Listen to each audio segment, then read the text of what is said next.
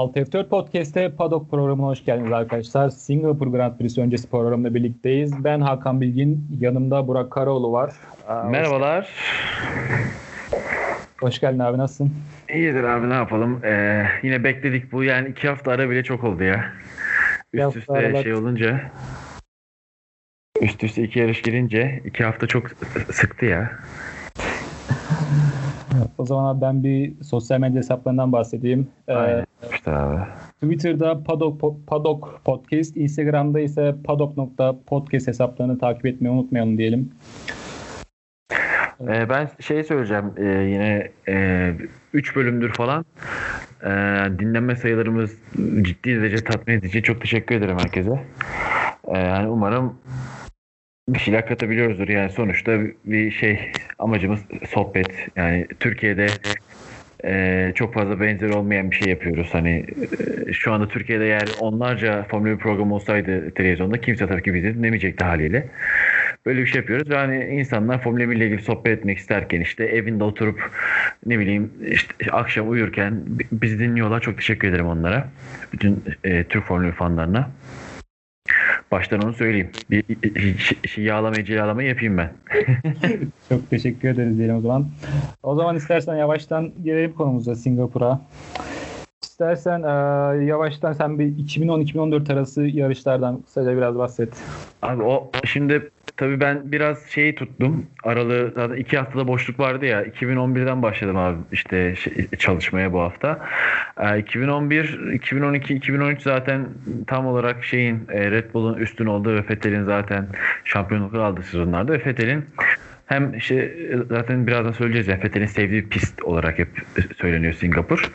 Aynı şekilde e, o zamanlar işte Red Bull'un zaten şey e, aerodinamik performansıyla ön plana çıkan aracıyla beraber Fethel'in kazandığı bir yarış. 2011'de aslında yine Fethel'in önden kazanıp ciddi bir e, farkla kazandığı bir yarış oluyor. 2012'de işte Hamilton'ın e, e, vites kutusu arızası ve şampiyonluğu gidiyor Hamilton'ın. Çünkü Hamilton önde götürüyordu biliyorsun. Hamilton, e, Alonso ve Vettel e, şampiyonluk e, çekişmesi yaşıyorlardı. Hamilton belki orada e, işte vites kutusu artısı olmasa yani şampiyonluk şansını sezonun sonuna kadar götürecekti ama Hamilton işte şey yarışçı kalıyor ve şampiyonluk Fethel'e gidiyor. 2013'te de yine aynı şekilde bir rahat bir Fettel e, galibiyeti gördük. Zaten o zaman çok üstündü. Hani Mark Webber'in de kendisiyle uğraşamaması ve diğer hiçbir takımın Red Bull'un yanına yaklaşamadığını söylüyorlar. Zaten 2013'te çok üstündü. Ve 2013'ü de kazandığını gördük abi. Abi 2014'e geçelim. Şimdi Singapur Grand yani biz şimdi bu e, yarıştan önceki programları e, hazırlanırken böyle art arta izliyoruz ya yarışları. Yani şey çok açık yani Singapur Grand Prix'si şampiyonluğu böyle direkt böyle etki eden sonuçlara böyle ev sahipliği yapmış. Mesela 2014'te de öyle.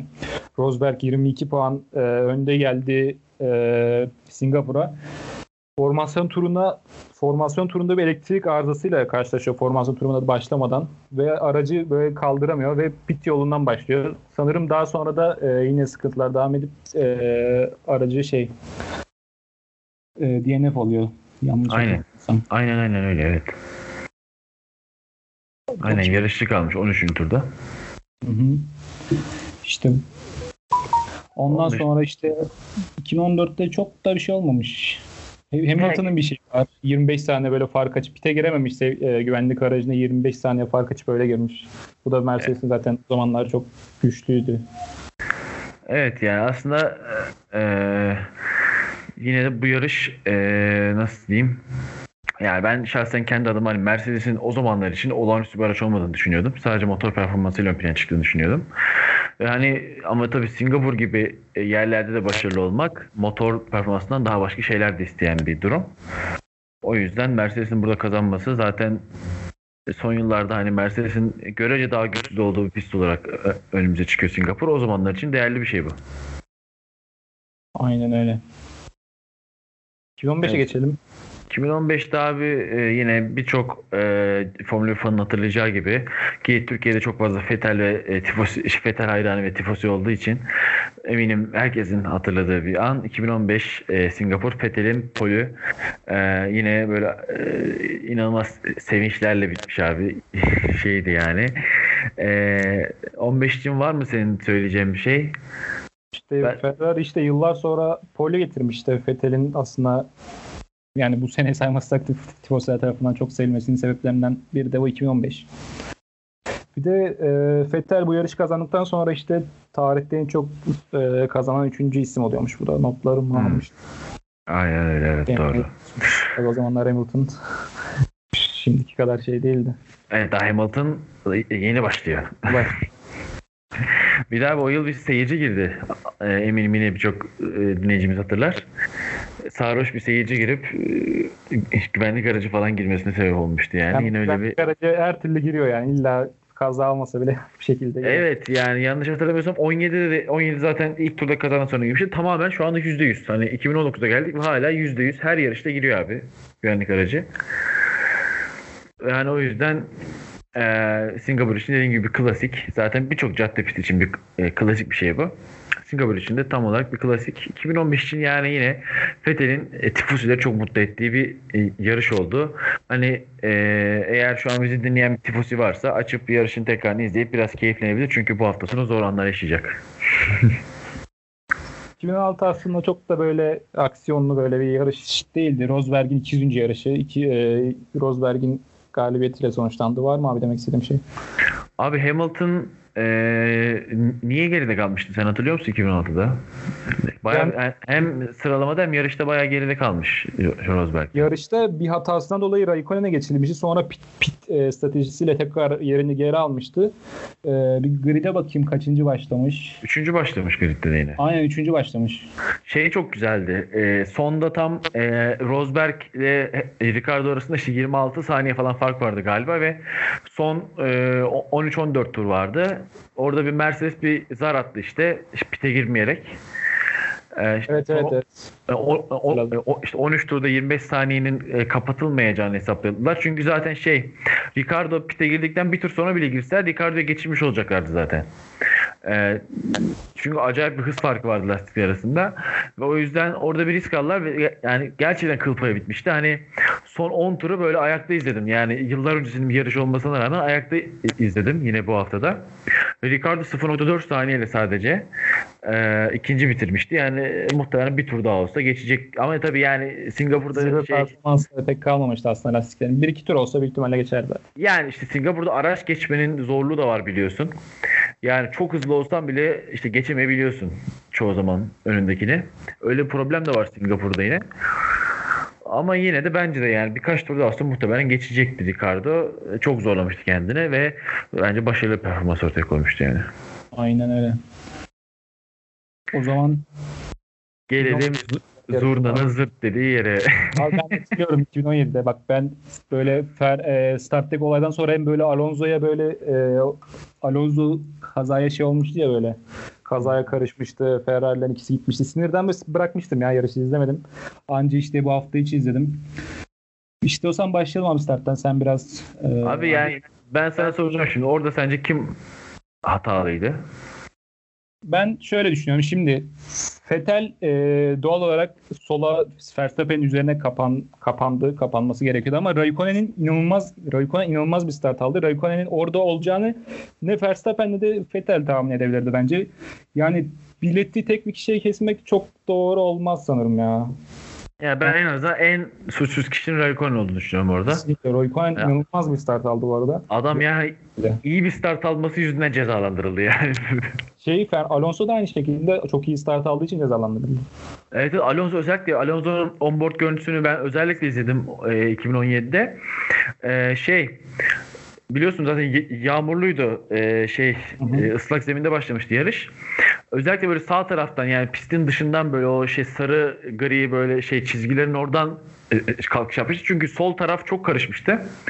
Birbirine girmişti ve oradan çok rahat bir şekilde abi 5-6 kişiyi geçerek sanırım 3. olacaktı yani. Yo ya ikinci olacaktı. Ricardo'yu da geçmişti. Heh, bir de o aynen öyle. McLaren'in böyle çok sıkıntılı dönemleriydi. Bu yani podyumu belki olmayabilir de yani yine iyi bir şey sonuç çok iyi gelecekti. Hiç Değil mi? Bu şey e, Honda ile yoldan ayrıldıkları sezondu galiba. Aynen öyle. Abi de burada Hamilton zaten 5. mi başlamıştı? Kaçıncı başlamıştı burada? Çok hemen. Bakalım abi hemen. Hemen bakalım. Aynen 5. başlamış Hamilton. Hamilton yani Hamilton zaten ne kadar iyi ne kadar yetenekli bir pilot olduğunu tartışmanın lüzum yok ama bu yarış aslında Hamilton ne kadar da şanslı bir pilot olduğunu da gösteriyor. Kesinlikle.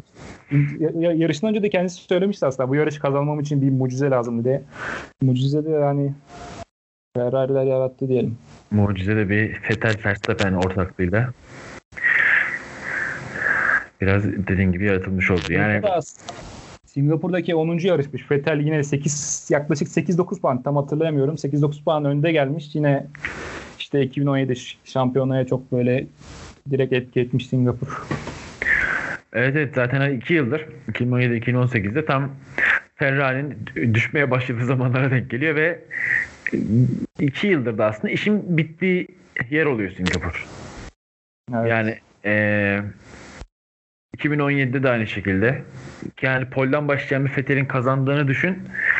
Başka bir şey olabilir yani Singapur'dan sonrası için. Ki o zamanki aracın daha dengeli bir araç olduğunu zaten söylemeye gerek yok. 2018'de zaten hemen hemen gitti gidecek ucunda olan bir şeyi yine aynı şekilde Fettel götürmüş oldu ama istersen 2018'e geçelim. 2017 bittiyse. 8'e geçelim aslında. 2018, aynen aynen. 2018'de bir Vettel Verstappen kapışması var. Bir de ben şey e, Leclerc'le Gasly'nin kapışması var. O da bayağı zevkle izlemiştim. Evet. Çok da böyle heyecanlı bir yarış da değildi açıkçası. Yani Hamilton aynı Hamilton önden götürüp kazandığı bir yarış oldu aslında. Hani Vettel'in orada bir erken pit taktiği falan oldu yanlış hatırlamıyorsam. Aynen. Ee, er, erken pitle bir de hani yanlış bir stratejiyle Verstappen'e falan da geçildi daha sonrasında. Yani e,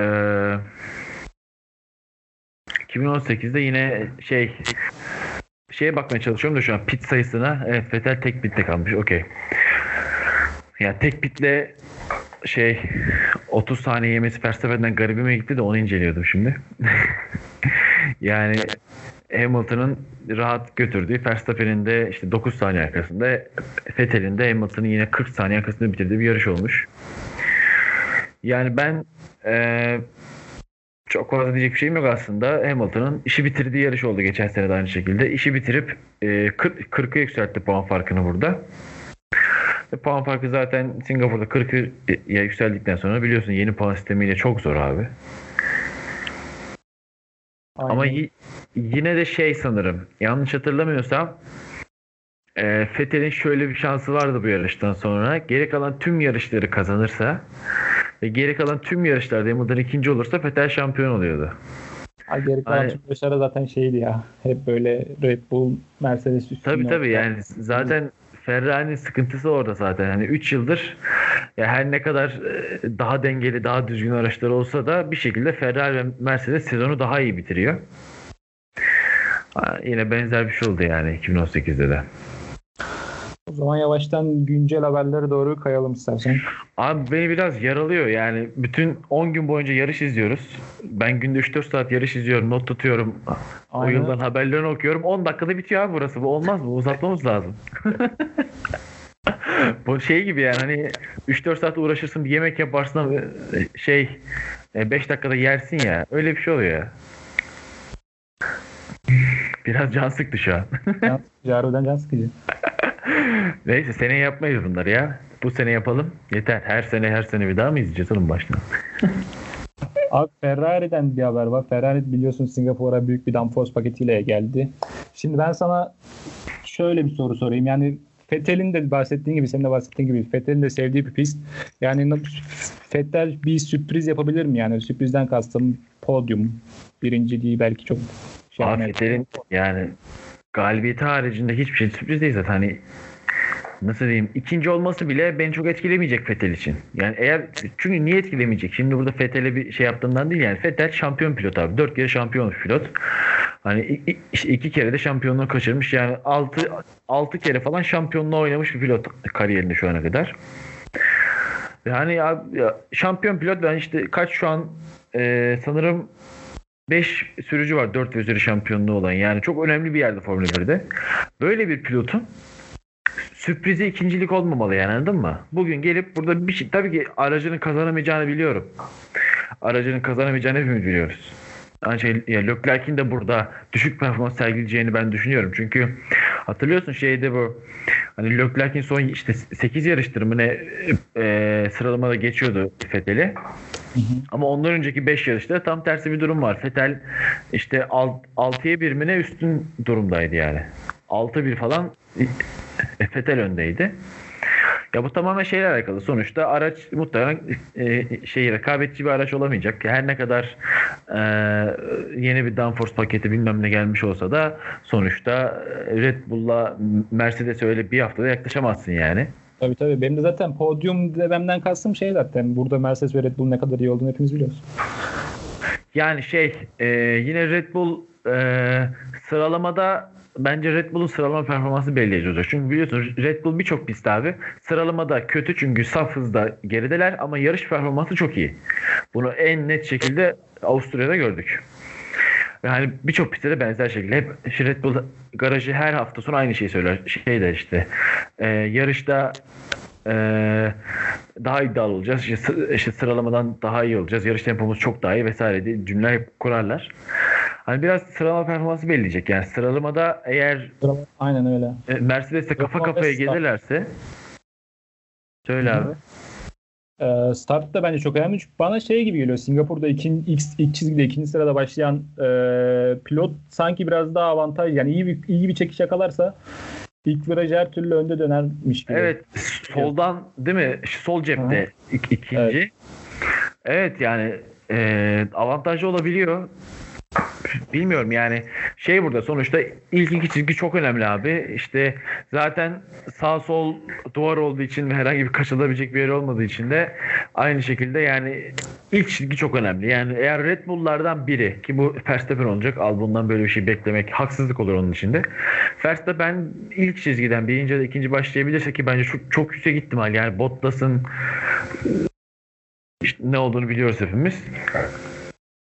Ve hani sezon sonları hep e, düşüşe geçen forum var. Sonuçta se- sezon başında Hamilton'a kafa kafaya oynayabiliyordu belki ama bu saatten sonra yine işte düşen bir formla beraber sezonu bir şekilde böyle bitirecektir diye düşünüyorum zaten Bottas'a. Verstappen çok muhtemel abi ilk çizgide oluşuyor. Aynen öyle. Şu an ben de e, sen bahsederken hava durumuna bakıyordum da e, böyle ben de ona bakacaktım abi. Yağmur yok sanırım ya hep böyle. Evet yağmur yok ama çok kirli bir hava dalgasından falan bahsediyormuş. Ee, sanırım e, yakınlarda bir orman yangını varmış haftalardır çok e, kirliymiş Singapur'un havası. Ee, bir hava sıkıntısı yaşanabilir. Biliyorsun e, Mercedes'in özellikle motoru soğutmada ve e, hava sirkülasyonundaki başarısızlığı var. Belki de problem olabilir. Belki. Onu göreceğiz hafta sonu. Şimdi diğer yeni güncel bir haber. Üçüncü bir DRS sedan eklendi abi. 13 ve 14. virajlar arasında. Şu an habere bakıyorum ben de. 12 ne, 13 galiba. 13 14 sanırım. 13 14. Ha, doğrudur 13 14. Ee, abi, ha, sen dinleyelim. Abi şimdi e, aslında DRS'in belki de en olması gereken pistlerden biri burası. Çünkü yani Monaco gibi, e, Singapur gibi birkaç cadde pisti mesela Azerbaycan olması, Azerbaycan'ın uzun düzlüğü olması da Azerbaycan gibi pistlerde geçiş yapmak çok zor abi. imkansız yakın. Yani gerçekten yani önündekinden bir, bir buçuk saniye hızlı olman lazım ki geçebilesin. Yani kafa kafayayken burnunu bile sokamıyorsun çok doğal haliyle. Çünkü soktuğun an bariyerlerdesin, duvardasın yani. Hani o yüzden DRS kullanacaksa işte böyle kullanılabilir evet. Tam olarak 3 e, farklı alanda 3 kere geçiş için zorlanabilir. Yani ben DRS'i çok istemeyen biri olarak varsa da Singapur'da kullanılması gerektiğini düşünüyorum ve ben mantıklı olduğunu düşünüyorum. Her e, bütün düzlükleri koymuşlar. 3 tane düzlük var. 3 yöne koymuşlar. De koymuşlar. Yani seneye başka bir düzlük yaratılıp oraya da konulabilir yani bilmiyorum. Ama ya çok büyük etki yaratır mı? Yaratmayabilir çünkü düzlükler çok uzun düzlükler yok. Aynen. Yani e, hemen bir Singapur'u açıp bakayım abi tekrar.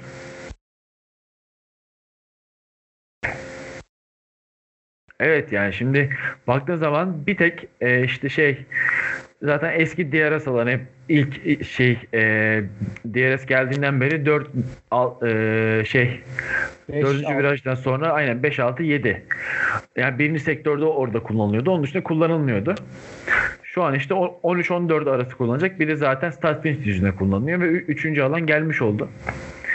Yani e, tamamen ben bizim için yarış izleyenler için olumlu görüyorum.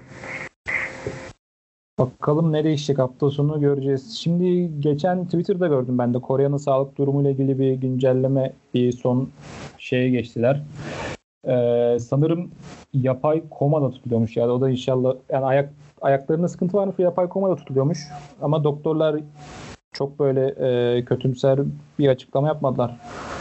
Bunda bir Abi yani önemli olan tabii şeydi Evet, tabii. yani e, hani şey yaşamını yani ölmesinden diyeyim direkt hani e, kibar olmayalım. Ölmesinden daha çok hani hayatına devam edebilecek mi? Yoksa hani Schumacher gibi yıllarca komada mı kalacak? Yani öyle bir şey yani. Buradaki sıkıntı yani bence yani Schumacher gibi hayatını devam ettirmektense ölmek daha mantıklı yani anladın mı? Daha şey olabilir yani bir insan için. O yüzden hani e, tabii ki e, tekrar pistlere dönmesini hayal ederiz herkesin ama sanırım yani şu an yaşaması bile sıkıntıyken bir daha pistlerin yakınında bile göremeyeceğiz. Üzüldüm. evet o biraz Ki ben genelde böyle hikayelerin olumsuz bittiğini çok gördük abi. Yani çok olumlu bitecekmiş gibi gelmiyor bana da ya. Çünkü şeyde de yani eee Bianchi'de de uzun süren bir bir yıl, yaklaşık bir yıl sürmüş değil mi? Onun Evet. mı? yani aynen upuzun süren bir işte komada daha iyi olacak daha iyi olacak komada haberleri sonucunda öldü haberi geldi. Yani hani o yüzden böyle süreçler çok olumlu bitmiyor. Schumacher'de de görüyoruz yıllardır hala yok komadan çıktı yok bilinci açıldı yani 10 sene sonra bilinci açılmış yani. Çok de 3-4 gün önce sanırım ya da bir hafta önce falan bir haberi çıktı. O da Paris'te bir hastaneye yerleştirilmiş gibi bir iddialar var. Evet işte orada bilincinin açıldığını falan söylediler ama dediğim gibi yani ne kadar önemli bu hani Schumacher sonuçta artık bilinci açılsa bile eski Schumacher değil yani. Sadece ölmemiş olmasını bilmek bile birçok fanını belki mutlu edecek ama maalesef ya maalesef böyle hikayeler iyi bitmiyor. Keşke iyi bitse. Yani keşke Schumacher çıksa işte bir video var görmüşsündür. Dolanıyor sürekli Twitter'da haftada bir. İşte şey- bir, bir, bir programa katılmış. Kaskla gidiyor işte sonra çıkarıyor ve Schumacher oldu anlaşılıyor programda ve alkış Şey şey kıyameti o. E, top, top Gear onu ben takip ediyordum. Ha, aynen yani şey e, ben de sadece e, sosyal medyada gördüğüm kadarıyla söylüyorum. Ee, onun dışında hani, hani öyle bir şey olmayacağı için de veya bir daha buralarda görmeyeceğimiz için de yani Schumacher'de aslında bir ölü gözüyle bakabiliriz diye düşünüyorum. Ben zaten yıllardır öyle bakıyorum. Ama hani ısrarla ailesi de bir şekilde bilgi saklıyor. Amaçları bilmiyorum. Schumacher'in de zaten e, tedavisi inanılmaz böyle bir sanki devlet sırrıymış gibi. Hiçbir, hiçbir haber, hiçbir bilgi sızdırılmıyor. Bir kere bir haber okumuştum. Jean Todt e, FIA başkanı bir onunla bir İspanya Grand Prix'si izlemişti sanırım geçtiğimiz 2018'de. O, o biraz yani olumlu bir haberdi. Başka hiçbir yani haber sızmıyor. Aynen abi ya, o yüzden Kore'de içinde çok umudum yok üzülerek. O zaman Ben şeyi söyleyeceğim. Hı? Yarışla ilgili şimdi biliyorsun ilk turda yani zaten yarışta girme olasılığı yüzde yüz. İlk turda da girme olasılığı yüzde yetmiş yani şu an şey e, 6 yarışta falan şey olmuş e, pardon 7 yarışta da olabilir. E, i- işte ilk e, işte diğer açılmadan önce ilk, ilk, ilk üç tur içine girmiş abi şey güvenlik aracı. Yani o yüzden hani yarışın başındaki tüm taktikleri falan da etkileyebilir bu yani. Şimdi eee şeyle giremeyebilirler işte nasıl diyeyim sana. Hani e, e, orta lastikle işte yani daha sert hamurlarla falan başlayamayabilirler mesela anladın mı? Çünkü niye zaten şey girecek güvenlik aracı girecek güvenlik aracı içerideyken e, lastik aşınması e, çok az oluyor ve o yüzden yumuşak lastiği daha uzun süre kullanabilirler belki vesaire artı bir şey daha ekleyeceğim ben yani her ne kadar 2010'ların başındaki kadar olmasa da pit süresi hala çok uzun. Biliyorsun 2010'ların başında falan 30-32 saniye, 34 saniyeye kadar uzuyordu. Yani 2017 öncesindeki tüm yarışlarda da zaten bu, bu dikkatimizi çekmiş, senin de dikkatini çekmiştir. evet. Şu anda 24 saniye civarında. Sanırım pit e, şey pit içindeki hız sınırı arttırılmış 60'tı. Muhtemelen o 80 olmuştur ve 80 ile beraber 24 saniye düşmüş. Yine de abi 24 saniye birçok pist için çok uzun bir sayı ve hani o yüzden tek pit haricinde herhangi bir strateji olma ihtimali yok yine maalesef. Zaten e, arda arda izliyordu. Serhan Acar hep böyle o senelerde diyordu 3.0'a falan hep böyle iyi bir pit stop gözüyle bakıyordu. Öyle bir yorum yapıyordu. Aynen öyle. Aa, o yüzden yani yine muhtemel eğer yine 2017'deki gibi acayip bir kaza olmazsa falan çok sıkıcı sıradan bir yarış ve herhalde yarım saat aşmayacak sonrasındaki program diye düşünüyorum.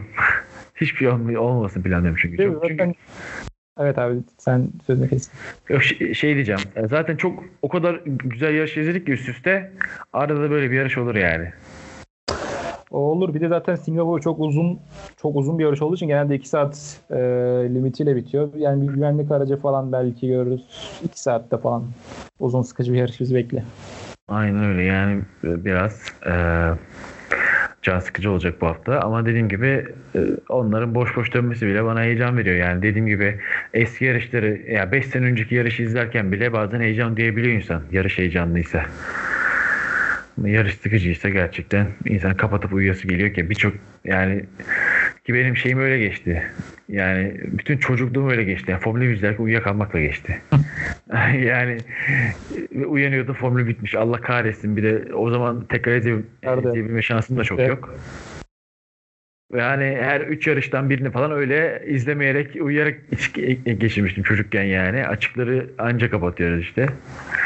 Yine öyle bir yarış olur ama inşallah uyumayız. Uyumayız herhalde. Uyumayalım ya. O yüzden. o zaman güzel bir habere geçelim. Ee, 2019 e, FIA GT Uluslar Kupası'nda e, Türkiye'yi Ayhan Can Güven ve Salih Yoluç temsil edecek. Ben e, Porsche GT ara, ara sıra şey pazar günleri e, Formula 1'den birkaç saat önce oluyor da. E, ara sıra onu takip etme şeyim oluyor. Zamanım olduğunda onu takip ediyorum. E, her yarışta zaten podyumda. Sen biliyor musun? Takip ediyor musun? Yani ben dediğim gibi Formula 1 haricindeki e, birçok seriye ilgim yok abi. Hani Formula 1'in alt serileri ve Formula 1 sadece. Hani o yüzden GT'ye ya da vesaire zaten Ay yani bir tek şey biliyorum. Ayhancı'nın hani sanırım seneye e, Le Mans 24 saatte falan yarışmak istiyormuş. Sadece duyduğum kadarıyla. Hani o seriye de çok ilgim yok ama tabii ki orada Türklerin olması, hani o e, Hamilton'ın, Vettel'in çıktığı e, aynı podyumda birkaç saat önce bir Türk bayrağını dalgalanıp işte İstiklal Marşı'nı çalması falan beni heyecanlandırıyor tabii. Umarım başarılı olurlar. Ki geçen senenin kazananları galiba zaten bu ikili. Geçen sene şampiyon olmuşlar. Eminim bu sene de oralarda olacaklardır. Yani ben çok kazanma şeyi bir insan değilim yani. Kazanılamayabilir ama oralarda olmak önemli. Hep oralarda olmak, Türk bayrağını orada temsil etmek, adımızın orada geçmesi çok önemli. İnşallah da kazanırlar. İnşallah. Bu da 1-3 Kasım arasında olacakmış. Yani takipçilerimizden belki e, izlemek isteyen vardır diye Daha var abi o zamana kadar 4 yarış var. Sürekli bahsederiz. ara ara bahsederiz. Şey var abi e, hemen bakıyorum. Bernie Eccleston. E, evet. E, Olabilir namı, dinleyelim. namı der bunağımız birkaç açıklama yapmış yine. Ya bunak diyorum tabii çok e, Formula 1 için çok saygıdeğer bir insan tabii ki yani. E, belki birebir tanısak çok sevmeyiz. Belki görüşmek bile istemeyiz yani günlük hayatımızda ama Formula 1 Formula 1 yapan insandır. E, işte birkaç kişiyle beraber. Ve neredeyse son kalanlardan. Çünkü bütün yol arkadaşları vefat etmiş durumda. Ve yine işte bir, bir takım konuşmalar yapmış. Demişti Formula 1'in bütçe sınırlamasına gerek yok. İşte tekrar eski atmosferik motorlara dönülmeli vesaire gibi birkaç açıklama yapmış. Zaten hani haberin içeriğini işte motorsporda vesaire diğer birkaç sitede de görebilirler dinleyicilerimiz. Yani e, bütçe sınırına şöyle savun, yani bütçe sınırı olmaması gerektiğini şöyle savunmuş kendisi. E, zaten demiş son 10 yarıştır çok güzel yarışlar izliyoruz demiş. Ve hani araçların birbirine yakın olması ve geçişin kolay olmasını sağlamak zaten Formula 1 eğlenceli kalacaktır. Bu yüzden gerek yoktur demiş. Ya ben de şöyle düşünüyorum. Ben de aslında benzer bir şey düşünüyorum. Başta bunak falan diye açtım konuşmayı ama ben şöyle düşünüyorum ama kendi na- naçizane fikrimi söyleyeyim. Daha önce de söylemiştim. Sanırım iki program önceydi. Ee, yani direkt sen 190 harcıyorsun, sen işte 175 harcıyorsun gibi bir sınır koyamazsın. Ya tutamazsın. Mercedes falan tutamazsın burada zaten. Öyle bir ihtimal yok. Hı hı. Hani öyle bir e, sınama gelmesi de anlamsız. Ama şey olabilir yani dediğim gibi işte hani belli başlı sınırlar işte şampiyonluklara göre şampiyon olmuşlara daha fazla falan gibi zaten o da e, aslında şey e, sınırlamayı ortadan kaldırmış oluyor. Hani daha fazla parası olan daha fazla para harcıyor. Ne yapacak? Daha fazla para gelince eline ne yapacak? O parayı yani cebe atması çok saçma değil mi? Formula 1 için kullanması lazım daha çok para kazanın. Diğerlerine daha çok para kazanmak için başka formüller bulmaları lazım. Çok zor olduğunu biliyorum. Şu anda işte sponsor kalan Haas, F1 takımının durumunu da görüyoruz. Hani ya saçma sapan adamlara şey tahammül etmek zorunda kaldılar 6 ay boyunca sponsorluk için sırf. Yani bunun çok zor olduğunu biliyorum ama bir şekilde abi herkesin para üretebiliyor olması lazım. Yani bu işin yolu budur. Yani Mercedes'te Ferrari'ye sen daha çok para kazanıyorsun. O zaman Racing Point'te aynı parayı harca demek yani eşitliği de ortadan kaldırır. Pardon adaleti ortadan kaldırır. Eşit, eşitliği sağlar ama adaleti ortadan kaldırır. Eşitlikle adalet aynı şey değildir. Ee, Birçok Türkiye'de kullanımına şey kullanımına karşı. Adaleti tamamen ortadan kaldırıyorsun. E, o zaman Mercedes de belki buraya para kazanma odaklı bakacak yani. Onu da istemezsin. O yüzden çok saçma buluyorum. Ben de yani benzer bir şey düşünüyorum. Hani bir sınır olacaksa da farklı işte kurallara göre sınır olması gerektiğini düşünüyorum ama onunla uğraşmaktan sınırsız bir şekilde araçları birebir kora kor pistte yarıştırarak bunu yapmalıyız. Zaten sadece şu andaki Formula 1'in düşün abi. Bunun yerine biraz daha geçişler kolay olan işte şu anda %30 %40 deniyor galiba arka arkaya giderken ki arkadaki aracın downforce kaybı. Bunu hani şeyin Brown'un dediği gibi %3'e 5'e değil %10'a 15'e bile indirsen zaten çok zevkli yarışlar izleyeceğiz. Anladın mı ya? 3'e 5'e indirsen hayal edemiyorum. Bence de yani e, Eccles'ın dediği şey doğru abi. Atmosferik motorlara geçmeli diyor. Bence de. Yani her ne kadar o şeyden değilim. Hani böyle bir abi o işte sesler acayip falan diyen bir şey var yani Formula 1 arabası sesine tapan. Evet. Hani ben de çok seviyorum o sesleri ama hani illa o sesler olsun diye tutturan bir insan değilim yani onu anlatayım. Ama hani o, o seslerin gelişi e, eminim ki birçok fana daha büyük bir heyecan katacaktır. Ve yani aynı şekilde araçları daha hızlı olması için belki de bir e, gelişim olacaktır ama işte bir şekilde daha önce geliştirilmiş motora geçmek ki mesela şu anda da artık motorların daha fazla hızlanamadığını görüyoruz. Bir yerde motor işte 4-5 yıl sonra yeni gelen motor seti artık hızlanmayı bırakır ve araç e, takımlar başka şeylere yönelir. Şu anda da işte 1000 beygire falan yaklaşık söyleniyor ki şu andaki işte beygir kurallarıyla vesaire 1000 beygirin üzerine çok acayip çıkma ihtimali çok fazla yok artık araçların. İşte bildiğimiz gibi onar onar çıkıyorlar sürekli 2 haftada 3 haftada bir. Hani o yüzden zaten şu anda motorların da hemen hemen üst limitine ulaştığını düşündüğümüzde ekstra bir motor değişimine bence gerek yok. Araçların tamamen birbirine geçmesini sağlayıp bu organizasyonu daha heyecanlı hale getirebilir diye düşünüyorum. İşte e, FOM mu artık e, işte Liberty mi yapıyor bilmiyorum. Liberty sadece yayın haklarına sahip olabilir. Tam içini bilmiyorum da. Ben öyle düşünüyorum. Yani biraz aslında destekliyorum Eccleston'ı. Bence de gerek yok. Anlamsızdır çünkü. Ben de zaten senin o dediğine katılıyorum zaten. E, downforce hani %3'lere 5'lere de düşse yani o %3 5 çok gerek değil dediğin gibi de %10'a kadar bile düşse o e, geçişleri izlesek zaten e, çok zevkli yarışlar izleyeceğiz ve e, downforce düşürecek e, kurallar gelse zaten e, takımlar maddi olarak biraz daha rahatlayacak çünkü şu an ufa, en, ufacık bir şey zaten milyonlar harcanıyor yani. Tabii şu an şey var biliyorsun bu lastik battaniyeler bile sanırım Sauber takım patronunun bir lafıydı. Sadece lastik battaniyeler var üstüne koyduklar abi. Onların hem çalışma maliyeti hem iki yılda bir yenilenmek zorundaymış onlar vesaire.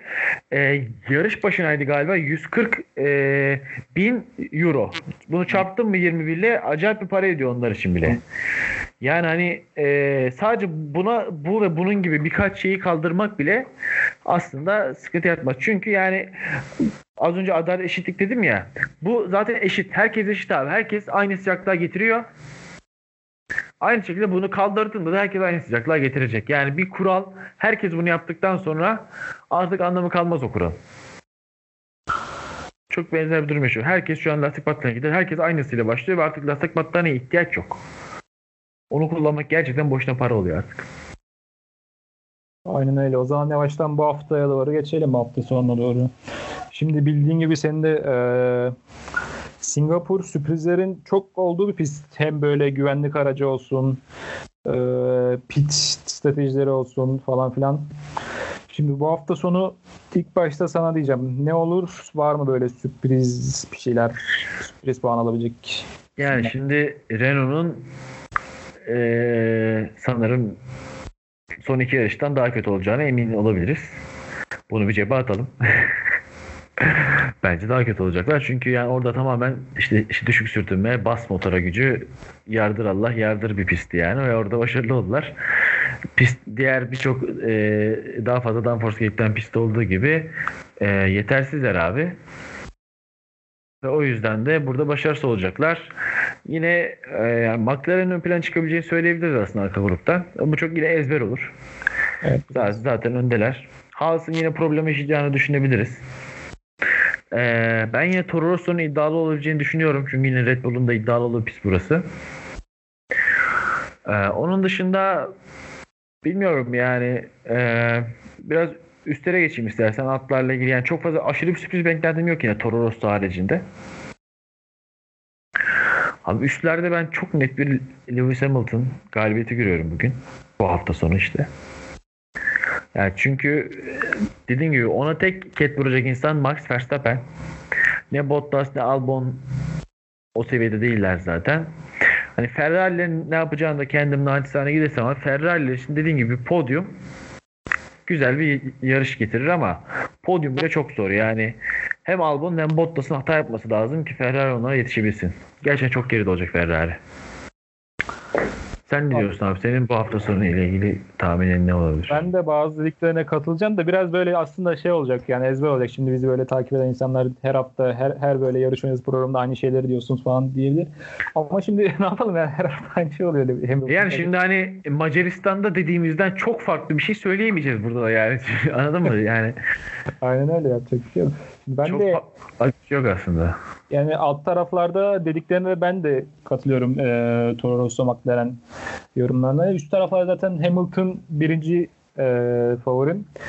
Şimdi Red Bull'ları bence Red Bull'ların arasında bir Ferrari girebilir. Ferrari de çok böyle uzaktan izleyeceğini düşünmüyorum açıkçası. Yok şeyde e, sı- bence sıralamada oralarda olurlar yine. Sıralamada yine hani en fazla 0.2 saniyeyle falan mesela öyle bir farklı geçilebilirler ama Aynen. yarışta yarışta Yarış çok geri kalacaklar. Yarış temposunda işte geride kal- kalır bir de bu pist sürücüleri falan hani pist üstüne geçer bile büyük ihtimalle yine pitlerde falan o aldıkları sırayı geri verebilirler. Yani e, Ferrari daha iyi ama bitti. Sen bilirsin. Devam et. Abi bak şöyle göstereyim. 2000 2017 2018 ve 2015'te sadece pitlerde şey verdiler, podyumu verdiler. ha, Singapur üzerinde söylüyorsun. Aynen Singapur üzerine. de. Evet evet. Yo ben şeydi hani sezon başından beri Ferrari'nin pitteki sıkıntılarını bence son 3-4 yarışta geçirmiş durumdalar. Ondan bahsedecektim ben yani. Son 3-4 Aynen. yarışta gayet iyiler. Yani bir sıkıntı yaratmıyorlar hani. Problem yok. Devam et abi senin sözünü kestim ya. Ee, işte burası bana şey gibi geliyor biraz da McLaren'lere gayet uyan bir pist. McLaren'ler e, çift yani bir, bir e, arıza bir sıkıntı yaşamazlarsa e, iki araçta da puan alabilirler. Özellikle Sainz. Evet bir de eee, sanırım yani ekstra bir motor patlatma vesaire bir şey olmadığı sürece motor cezası alınmayacak bir pist olacak burası. Hani o yüzden sıralamanın biraz daha dengeli olacağını görebiliriz yani. Çünkü iki yarıştır Belçika ve İtalya. Hani bir böyle 10 kişi sürekli en sona transfer oluyordu. Böyle sürekli şey bir sirkülasyon halindeydi alt taraf. Ba- Yani dediğim herhangi bir patlama, herhangi bir problem görmediğim sürece öyle bir şey olmayacak. Herkes aynı motora devam edecek Singapur'da. Çünkü zaten burada yeni motor takmak intihar yani. Bitirdin. Yani yarışa çıkma daha iyi. Bakalım abi yani ne izleyeceğiz? Ben de bilmiyorum. Abi inşallah yani biz temen yani iyi bir yarış temenni edelim. Şimdi yorumlarda da çok böyle bir şey beklemiyoruz da. Çok böyle zevksiz bir yarış olacak gibi de. İnşallah haksız çıkarız. Hem öyle ya. Ben bir de şey duyurayım istersen. Ee, biliyorsun bir F1 fantezi oyunu var. Ee, fantasy.formula1.com diye işte Formula 1'in resmi fantezi oyunu. Orada işte bize verilen paralarla bir takım falan kurabiliyoruz. Ben orada e, bu hafta itibariyle yani Singapur'a gelmeden e, şeyi açmış olacağım. E, ligi açmış olacağım. Paddock Ligi. Hı hı. Orada arkadaşlar e, girip hani takımdan oluştururlarsa o da onlarla yarışabiliriz. Onu söyleyeyim naçizane. Bu da plansız oldu. Şu an aklıma geldi. Geçen şeyden kayıttan önce de konuşmuştuk. Ben de evet şu an yok ben de girdim oynayayım dedim. Aa dedim niye bunu yapmıyoruz ki dedim. Öyle ani geldi yani. Hani buradan e, isteyen arkadaşlarla oynayabiliriz. Yani Paddock diye ben dediğim gibi yine Atatürk Podcast'in e, Twitter adresinden de e, şey yapacağım. Zaten duyuru yapacağım aynı şekilde. Mutlaka tweet atarım. Aa, bize katılırlarsa ben de oynuyorum zaten. Sezon başından beri oynuyorum ama böyle daha heyecanlı olabilir yani birileriyle oynamak. Aynen Ben, e, Takipçilerimiz oynamak daha güzel olur. Yani tek başıma oynayıp pu- puanlar alıyorum ama puanlar bir işime yaramıyor yani. Evet abi eklemek istediğin son olarak böyle söylemek istediğin bir şeyler var mı? Yok abi bitirelim bu hafta güzel yarış izleyelim bana yeter yani. ne, olur güzel yarış izleyelim ya ne olur. Yani şey en azından bari bu programda bu yarış sonrası programda ben Fethel'e söylemek istemiyorum artık. Yani gerçekten çok absürt şeyler yapmaya başladı artık. Ve hani ben de sıkıldım.